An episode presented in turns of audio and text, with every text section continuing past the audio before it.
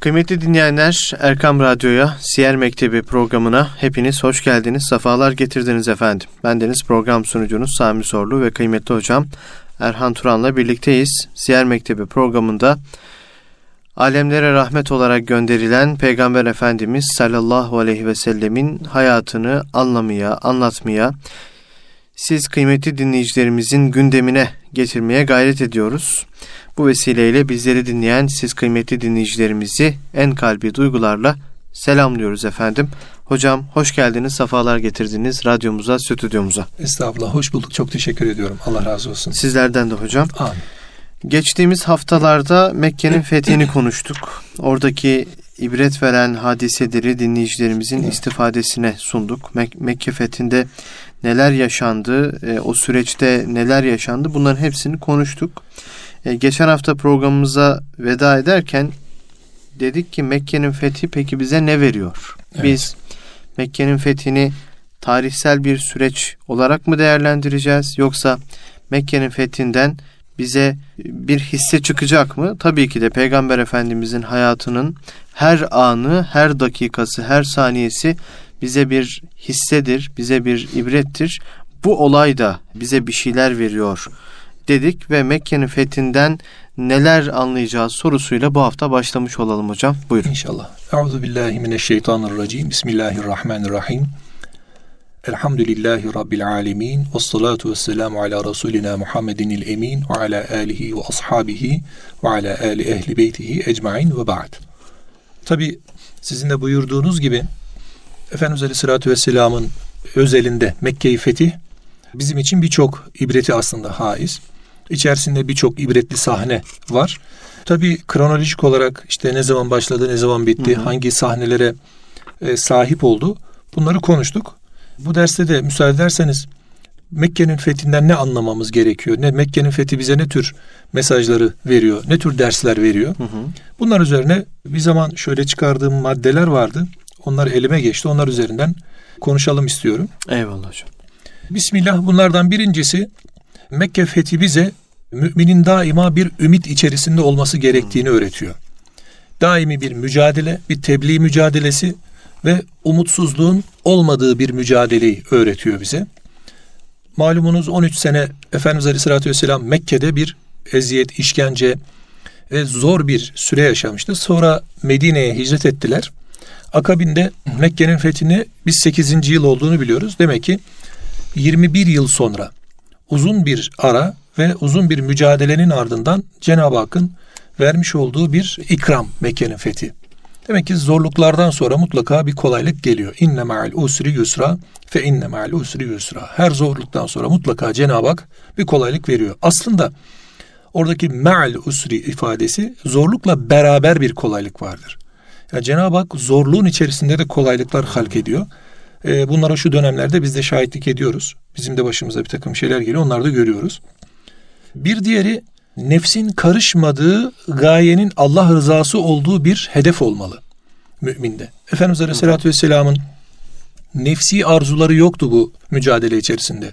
Ki bunu fetihte e, görüyoruz. Efendimiz Aleyhisselatü Vesselam devesi üzere secde halinde Mekke'ye giriyor. Yani bir fetih kazanmış, gururlu bir komutan edasıyla değil, Cenab-ı Hakk'a karşı mahcup bir halde giriyor. Bu çok önemli. Gaye Allah rızası olmalı. İkinci bir hal yani nefs o gaye içerisine girmemeli.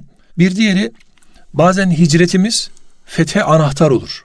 O yüzden hicretlerde herkes e, bir e, olumsuzluk arar ama bu e, hicret fetih anahtarı olur. Acele etmemek gerekiyor.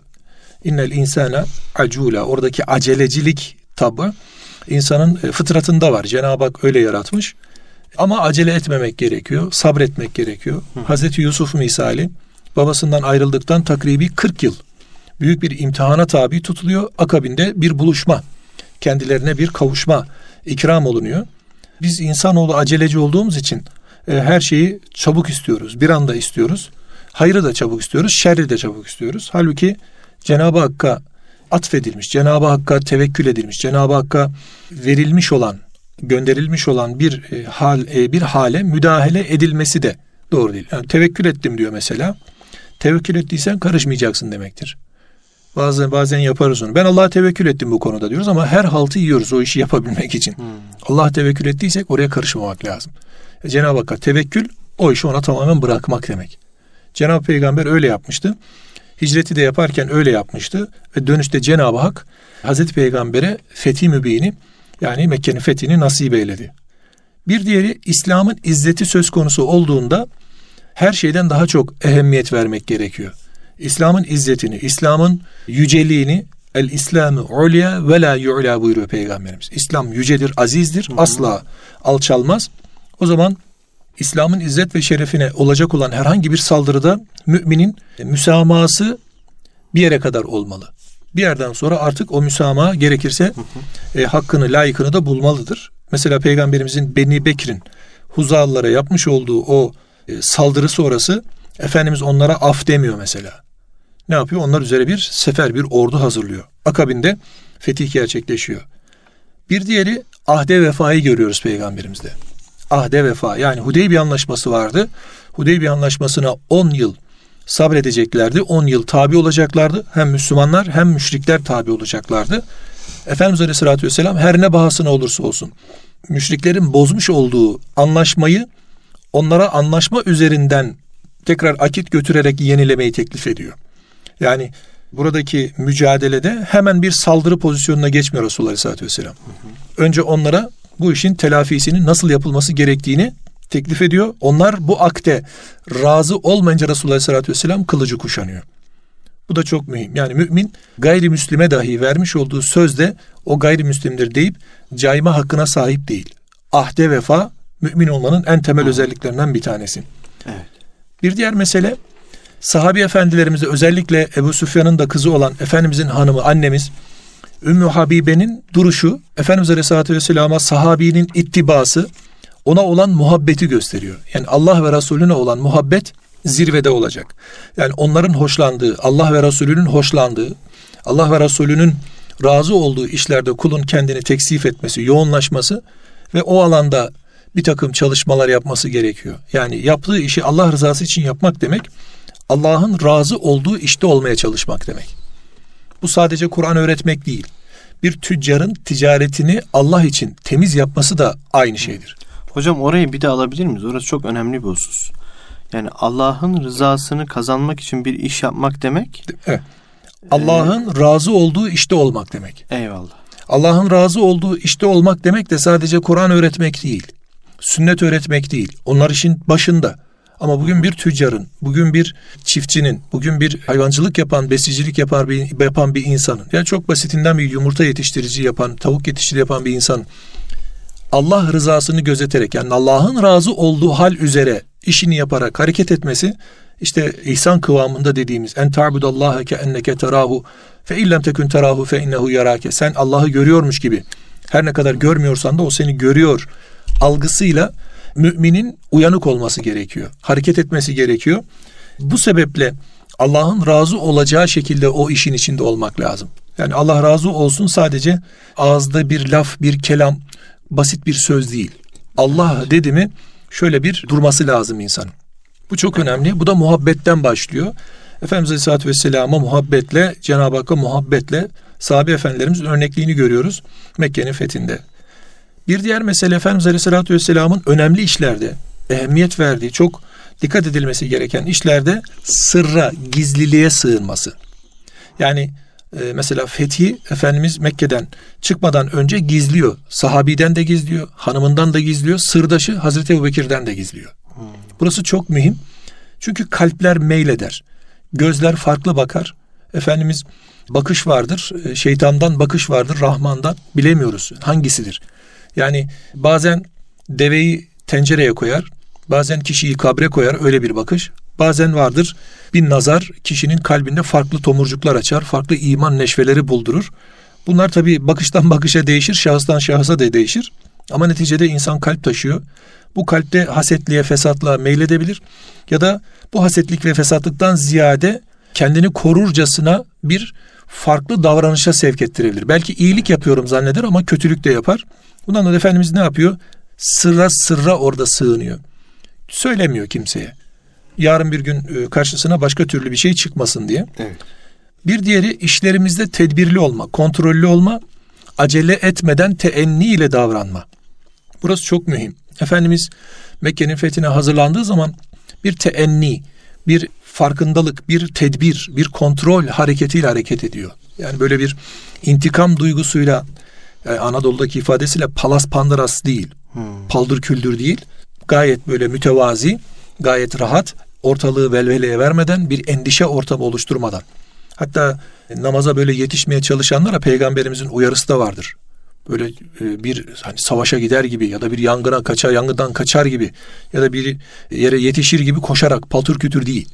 Yavaş yavaş teenniyle bir ızdırap hali vermeden namaza gitme. Yani namaz bir ibadettir. O ibadetin kendince bir manevi de bir gücü kuvveti vardır, ağırlığı vardır. Ona yakışır bir halde gitme. Hı hı. Resulullah Aleyhisselatü Vesselam da hangi işte olursa olsun e, kulun tedbirli olmaklığının örnekliğini bize Mekke'nin fethinde veriyor. Tabi bu aynı zamanda e, geldiği zaman peygamberimiz şeye e, Mekke, Mekke yakınlarına geldiği zaman orada sahabeye yine kendilerini tedbire almalarını söylüyor. Yani uyanık olun, dikkatli olun. Sahabinin Efendimizin kalbine tabi olması. Bu çok hoşuma giden bir haldir benim. Hmm. Efendimiz Aleyhisselatü Vesselam herhangi bir emir verdiği zaman sahabi o emre itaat ediyor. Yani kalbinde ne varsa ona itaat ettik ya Resulallah. Kalbinde ne varsa ona beyat ettik ya Resulallah. Haydin hazırlanın e, cenk var, sefer var dendiğinde sahabi sıraya girip nereye gidiyoruz, nereye gidiyoruz ya Resulallah diyemiyor. Hazırlanıyor. Ya bir savaş için ne lazım? At lazım, deve lazım, binek lazım, silah lazım, araç lazım, gereç lazım, zırh lazım vesaire. Yiyecek, içecek. Bunları hazırlıyor sadece. Hani işe gitmemek üzere yola çıkan e, bir usta bir işçi misali değil yani. Gitsek mi gitmesek mi kalsak mı kalmasak mı değil. İvazsız garazsız. İvazsız garazsız. Resulullah Efendimiz Aleyhisselatü Vesselam kalbinde ne varsa ona beyat ettik ya Resulallah. Sen bize denizde denize, ateşte ateşe. Eyvallah. Böyle çok güzel bir ittibağı ve tes teslimiyeti var. Sahabi efendilerimizin bunu görüyoruz. Bir diğer Efendimiz Aleyhisselatü Vesselam'ın her işinde Allah'a dua ve münacatını görüyoruz. Efendimiz Aleyhisselatü Vesselam yine çıkarken Ya Rab diye yola çıkıyor. Mekke'yi fethederken Ya Rab diye Mekke'ye giriyor. Ve orada af derken yine Cenab-ı Hakk'ı düşünüyor. Bu çok mühim. Dua ve münacaat. Yani kulun Rabbine, Rabbinin e, kapılarına diz çökmesi. Yine Efendimizin bir başka uygulaması harp esnasında bir takım hileler yapılabilir. Harp esnasında bir takım hileler yapılabilir. Ne yapıyor Efendimiz? Mesela Mekke'nin aksine yola çıkıyor. İnsanlar Mekke'ye gideceğini anlamasın diye orada bir manevra. Aynısını Mekke'den Medine'ye hicrete çıktığında da yapmıştı Efendimiz. Evet. Aksi sadasıyla yola çıkma. Bir, bir diğeri de ateş yaktırıyor her bir sahabiye. 12-13 bin sahabi bir arada 15 bin sahabi ateş yakıyor. Mekke'den çıkanlar önce bir demoralize oluyor. Yani önce bir manevi bir çöküşe düşüyorlar önce. Bakıyorlar ki bir kuşatma var. Onlarca, yüzlerce, binlerce ateş var. Eyvah çok büyük bir ordu geldi. Bunlara mukavemet etmeyelim. Algısı oluşturuyor Peygamber Efendimiz Aleyhisselatü Vesselam. Ama e, bir diğer maddemiz Efendimiz sulhu yani barış barışı kan dökmemeyi savaşa tercih ediyor. Harpten önce geliyor. Bunu da Efendimiz bir şahsın, bir neferin imanını tüm bir topluma esas görerek yapıyor. Yani bir kişinin iman etmesi bir toplumu ortadan kaldırmanızdan daha önemli. Belki bir gece baskınıyla 10-15 bin sahabi Mekke'de taş üstünde taş da koymayacak. Belki Mekke sizin de olacak. Bunda da bir beis yok ama e, oradaki insanlar imansız göçecekler. İmansız ahirete gidecekler. Efendimiz Aleyhisselatü Vesselam buna razı değil. Bir kişinin imanı tüm toplumun ihyası gibi peygamberimiz ehemmiyet veriyor, kıymet veriyor. Bir diğer mesele en kuvvetli anda aslında intikamın tamam şimdi denildiği anda Efendimiz Aleyhisselatü Vesselam nefse hakim olup burada fethi intikama değil iftitaha kullanıyor. Eyvallah. Yani intikam almıyor. Kalpleri açmaya, iftitah kalpleri açmak. Yani oradaki kalpleri fethetmeye kullanıyor Peygamberimiz. Yani aslında bir parmak işaretiyle orada ne Ebu Sufyan bırakırdı, ne İkrim'e bırakırdı, ne Sair'i bırakırdı. Tek bir işaretiyle ne Hint bırakırdı, ne başkasını bırakırdı, ne Yaşi'yi bırakır, Vahşi'yi bırakırdı. Yani Efendimiz Aleyhisselatü Vesselam kendisine o kalabalıklar arasında ne var bize diye sorulduğunda Efendimiz kalpleri fethi esas alıyor. Af diye giriyor. Eyvallah. Burası çok mühim. Ancak e, şunu da görüyoruz. Efendimiz gerektiği zamanlarda, gerektiği yerlerde uyarılarda, ikazlarda bulunuyor. Sahabiye de, saire de. Ne gibi? Mesela Hatip el-Belta'a bir elçi göndermişti Mekke'deki yakınları için. Efendimiz onu uyarıyor. Ve onunla birlikte allah Teala da uyarıyor. Yani onlara karşı böyle bir yakınlık, bir hısımlıkta bulunmayın. Bir akrabalık da olsa size zarar vereceğini bildiğiniz insanlara karşı muhabbette bulunmayın diye. Yani kişi kimi sevip kimi sevmeyeceğini bilecek hocam. Kişi kimi sevip hmm. kimi sevmeyeceğini bilecek. Buna tasavvufta layıkına muhabbet, müstahakına nefret evet. deniyor. Eyvallah. Yani e, bizimle dinimizle, imanımızla, değerlerimizle dalga geçen, alay eden, istizadan geri durmayan, her defasında dinimize, imanımıza, Kur'an'ımıza, camimize, sünnetimize haşa sözümüz meclisten dışarı olsun bu ağza alınmayacak aşağılık ifadeleri kullanan insanlar bizim muhabbet dairemizin içerisine asla girmemeli. Asla yer bulmamalı. Bırakın aynı ortamda olmayı. Tabii ki. Aynı ortamda, aynı Kalbe masada, dahi. aynı yerde oturmayı, aynı yerde kalkmayı, aynı çatının altında buluşmayı bırakın hocam. Yani onlarla birlikte bir kalbi ufacık bir muhabbet seyri bile olmamalı. Ya bunlar imanın zaafına, imanın Allah korusun başka tarafa meyline sebebiyet verir. Evet. Suresi apaçık söylüyor. Benim de düşmanım, sizin de düşmanınız olanlara sevgi gösterecek. Gizlice muhabbet besleyerek onları dost edinmeyin diyor Cenab-ı Hak. Eyvallah. Onların e, akrabası, onların işte o kabilenin bir üyesi olmanıza gerek yok. Kesinlikle. E, ne olursa kalbi olsun. muhabbetiniz onlardan olmanıza yeterli diyor Yeterli, değil mi? Tabii ki. Yani neticede el mer'u me'men ahabbe buyuruluyor. Yani kişi, kişi sevdiğiyle, beraber. sevdiğiyle beraberdir. Yani orada ben hep şunu e, şiar edinmeyi doğru buluyorum. Yani ben bunu da tavsiye ederim. Herkes şöyle bir düşünsün. E, bugün hak vaki olsa, şu an hak vaki olsa kimle beraber haşr oluruz? Yani insanlar bulunduğu yerlere, takıldığı yerlere, Anadolu ifadeci, amiyane ifadesiyle gezdiği tozduğu yerlere, bulunduğu mekanlara çok dikkat etmeli. Şu an hak vaki olsa kimle haşr oluruz? Eyvallah. Tefekkür Ufku programında geçtiğimiz haftalarda hocam Hidayet hocamla bu dostluk meselesini konuşmuştuk. Evet. Orada İmam Maverdi'nin Edebi Dünya ve Din evet. adlı eserinden okuma yapıyoruz. Orada İmam Maverdi diyor ki dostluk dost dediğiniz sizin olmadığınız yerde size anlatan kişidir. Evet. Veya sizin anıldığınız kişidir dost. Aslında sizin olmadığınız yerde sizsinizdir o. Sizsinizdir. Aynı.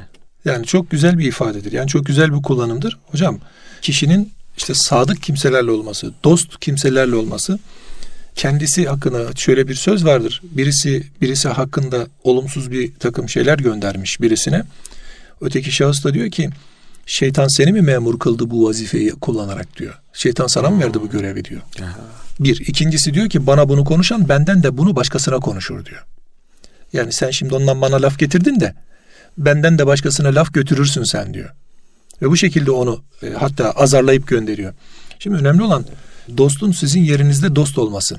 Hakikati savunması. Yani arkadan konuşma, iş çevirme vesaire değil. Ya bu insanlar özellikle dinse, Kur'an ve sünnetse e, ve bizim şiarlarımızsa işte camilerimiz, mescitlerimiz, başörtülerimiz, tesettürümüz vesaire bunlar bizim şiarımızdandır. Yani İslam'ın şiarındandır bunlar. Bunlar üzerinde birileri dalga geçiyorsa, aile mesela şu an en çok üzerinde durulan kıyametin koparıldığı müessese aile müessesesi. Şu an anne baba çoluk çocuk arasına ciddi fitneler sokuluyor. Evet. Ve çok ciddi çalışmalar yapılıyor. Şer bu noktada, batıl bu noktada her türlü kendince fedakarlığını yapıyor. O zaman mümine düşen bunlara muhabbet beslememek. Bunların ortamlarında bulunmamak. Yani bu adam bir yerde oturuma geldiyse terk edin hocam o oturumu. Ya bir adam bir yerde film çekiyorsa seyretmeyin bir müzik yaptıysa dinlemeyin. Yani bu insan bir taraf bulmasın ki taraf ol bir taraf, o da bir taraf olsun. Eyvallah. Yani bizde böyle bir sıkıntı var. Hem Hazreti Peygamber'in ifadesiyle diyor ki şeytana sövmeyin. Yarın yan yana gezersiniz diyor. Şimdi biz hem şeytana sövüyoruz hem şeytana kol vermişiz. Evet.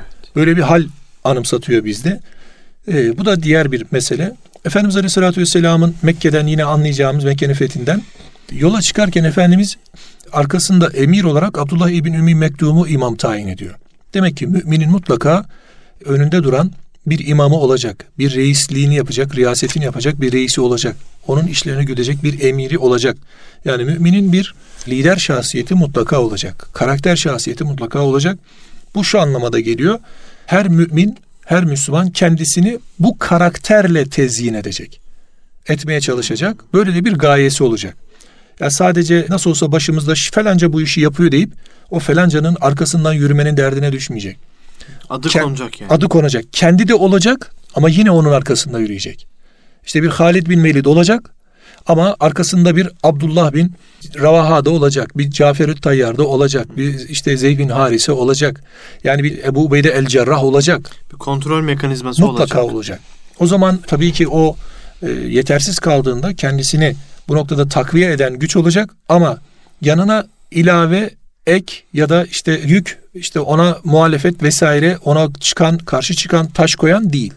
Destek veren onunla beraber yürüyen.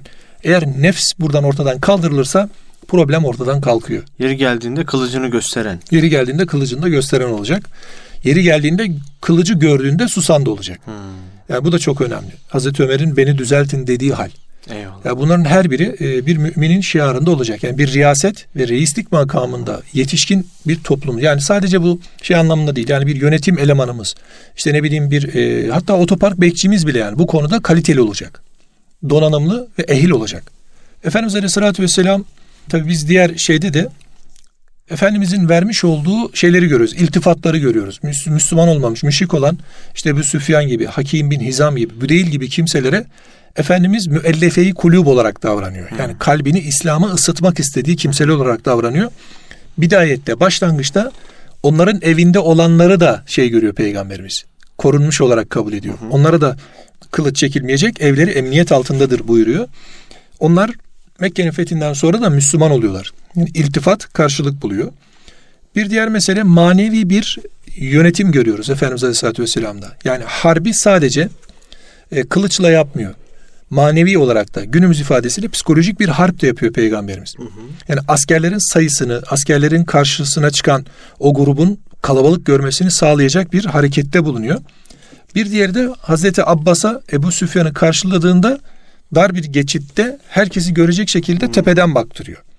Sebep onda bir manevi çöküntü istiyor. Onda bir manevi düşüklük istiyor. Onun psikolojisi çöksün. Biz buna mukavemet edemeyiz zannı oluşsun ve bununla mekanına memleketine dönsün. İnsanları da buna göre söylesin ve karşımıza da onunla çıksın. Efendimiz Aleyhisselatü Vesselam'ın bu noktadaki siyasetleri vesaireleri çok mühim. Bunlar diyebiliriz. Bir diğeri her ne olursa olsun zaferin Allah'tan olduğunu bilmek gerekiyor. Eyvallah. Efendimiz Aleyhisselatü Vesselam bunu bildiği için de e, kibirlenmiyor ve asıl hayat ahiret hayatıdır.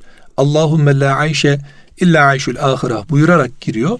O zaman da e, Efendimizin istiğfarı daha da artıyor. Malum Nasır suresindeki İzâ câe nasrullahi vel fetih burada gerçekleşmiş oluyor. Tabi vaadi ilahi sen yaptığın zaman yani e, fetih sana geldiği zaman zafer sana geldiği zaman fesebbih bihamdi rabbike ve estağfirhu Efendimiz bundan sonra bu fetihten sonra istiğfarlarını daha da artırıyor. Daha da tesbihatını artırıyor ve Nasır suresi burada gerçekleşmiş oluyor.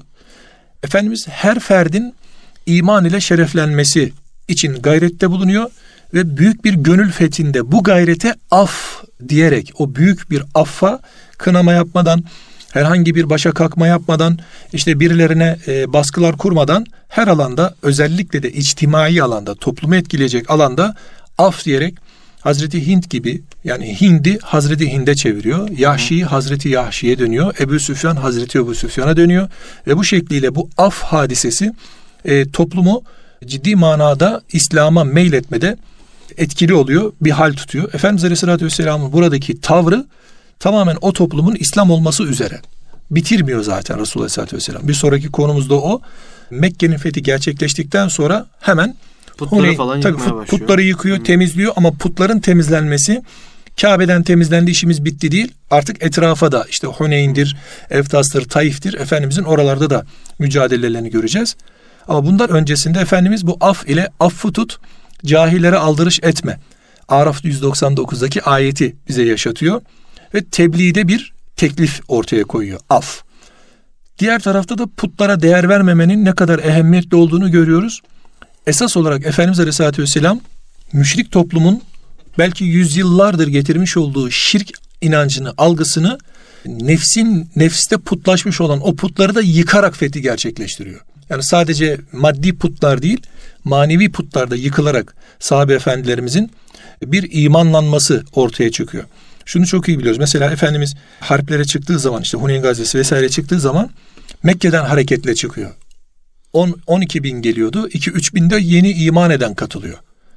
Nasıl bir iman oluyor ki bir anda bu insanlar daha dün Lat Menat Uzza derken bu tarafta onları putlarını ortadan kaldırıp yıkıp parçalayıp La ilahe illallah deyip yola çıkabiliyorlar. Arafta kalmıyor hiç. Evet Araf'ta kalmıyor. Direkt geçiş. Müşrik, müşrik olanlar da var. Hatta 70-80 de peygamberimize müşriklerden de katılan var. Ama hayret şayan geliyorlar. Birçoğu da Müslüman oluyor ondan sonra. Yani Efendimiz hayatın her alanında, her anında İslam'ı tebliğ, dini tebliğ adına ne gerekiyorsa yapıyor. Çünkü nefsini ortadan kaldırıyor ve Cenab-ı Allah'ın vermiş olduğu vazifeyi yerine getirebildiği kadar getirmenin derdine tasasına düşüyor. Emanetleri asla zayi etmiyor, ehline veriyor. Eyvallah. Bir hadise oluşacağı zaman o işte kim ehilse, o işi kim yapabilecekse yaşa bakmıyor. Ölçüye de bakmıyor. Tabi burada emanetin ehline verilmesi hadisesi bir sonrasında da Efendimizin vefasını görüyoruz. Yani Mekke fethedildi. Artık Mekke'ye Peygamberimiz Aleyhisselatü Vesselam e, tamamen e, sahip olmuş, orayı ele geçirmiş. Ve akabinde de ne yapacak? Herkes bekliyor. Artık Peygamberimiz herhalde dönmez diye bekliyor. Dönmez diye beklerken Efendimiz benim diyor yerim bize şeyde sahip çıkan ne derler? Medine'de sahip çıkan evet Ebu Amir Ebu Amir. Ebu Amir radıyallahu anh'ten sonra evet Ebu Musa ile Şari. Ebu Musa ile Şari'yi gönderiyor Efendimiz. Yani orada yaşına bakmıyor. 20'li yaşlarda, 25'li yaşlarda bir delikanlı. Yani emanetin ehline verilmesi adına bu çok önemli. Vefa dedik. Efendimiz Aleyhisselatü Vesselam Mekke'den Medine'ye hicrette nasıl ki kendisine sahip çıktıysa sahabe-i güzin efendilerimiz onlara ben sizinle beraberim deyip o müjdeyle beraber dönüyor. Yani onları kendisinden ayırmıyor. Onlara kendisine e, yapmış oldukları o güzelliğe, o iyiliğe bir vefa örneği sergiliyor. Ez cümle biz Efendimiz Aleyhisselatü Vesselam'da Mekke'nin fethinde sadece bir toprak fethi değil, aslında e, kalplerin fethini görüyoruz. Aslında sadece bir ülkenin, bir devletin topraklara katılması ya da toprakların genişlemesi değil, gönüllerin, kalplerin genişlediğini görüyoruz. Bu Mekke'nin fethini acizane bu maddelerle özetleyebiliriz. Bize ne verebilir Eyvallah. Diye. Allah razı olsun hocam. Cümlemize inşallah. Bir Müslümanın iç dünyasının da nasıl olması gerektiğini aslında bu maddeler açıklıyor. bize. Açıklıyor. Umutsuz olmayacak. Nefsine karşı mücadelede olacak. Hı. Tevekkül halinde olacak. Olacak evet. Ee, İslam'ın izzetine karşı e, her daim mücadele içinde olacak. Tabii bir kalp gündeminin Kesinlikle. nasıl olması gerektiğini de aslında burada Bize özetliyor. özetliyor hocam. Allah razı olsun. Cümlemizin Gönlünüze inşallah. sağlık hocam. Allah sizden Ee, razı olsun. Olun. önümüzdeki hafta inşallah siz biraz girdiniz aslında anlatırken Evet. Peygamber Efendimiz fetihten sonra artık işte putları temizlemeye başlıyor. Tebliğe devam ediyor. Evet. Ama o tebliğ sırasında da Huneyn'de yaşayan bir kabile Evet. Peygamber Efendimiz'e Savaş bir kararı alacak. savaş kararı kararı alıyor ve alacak. e, Huneyn gazvesi bu şekilde gerçekleşmiş olacak. Onu önümüzdeki hafta inşallah İnşallah. dinleyicilerimizle paylaşacağız. İnşallah. Çok çok teşekkür ediyoruz. Ben teşekkür ediyorum. Allah razı olsun. Sizlerden de hocam. Kıymetli dinleyenler Erkam Radyo'da Siyer Mektebi programındaydık. Kıymetli hocam Erhan Turan'la birlikteydik. Mekke'nin fethi bize neler anlatıyor sorusunu hocamıza sorduk ve zannediyorum şöyle 20 maddelik bir maddeyle e, hocamız özetlemiş oldu. Mekke'nin fethinden neler çıkartabiliriz'i özetledi. Önümüzdeki hafta yine Peygamber Efendimizin hayatından güzellikleri sizlerle paylaşmaya devam edeceğiz diyelim. Allah'a emanet olun. Kulağınız bizde olsun efendim.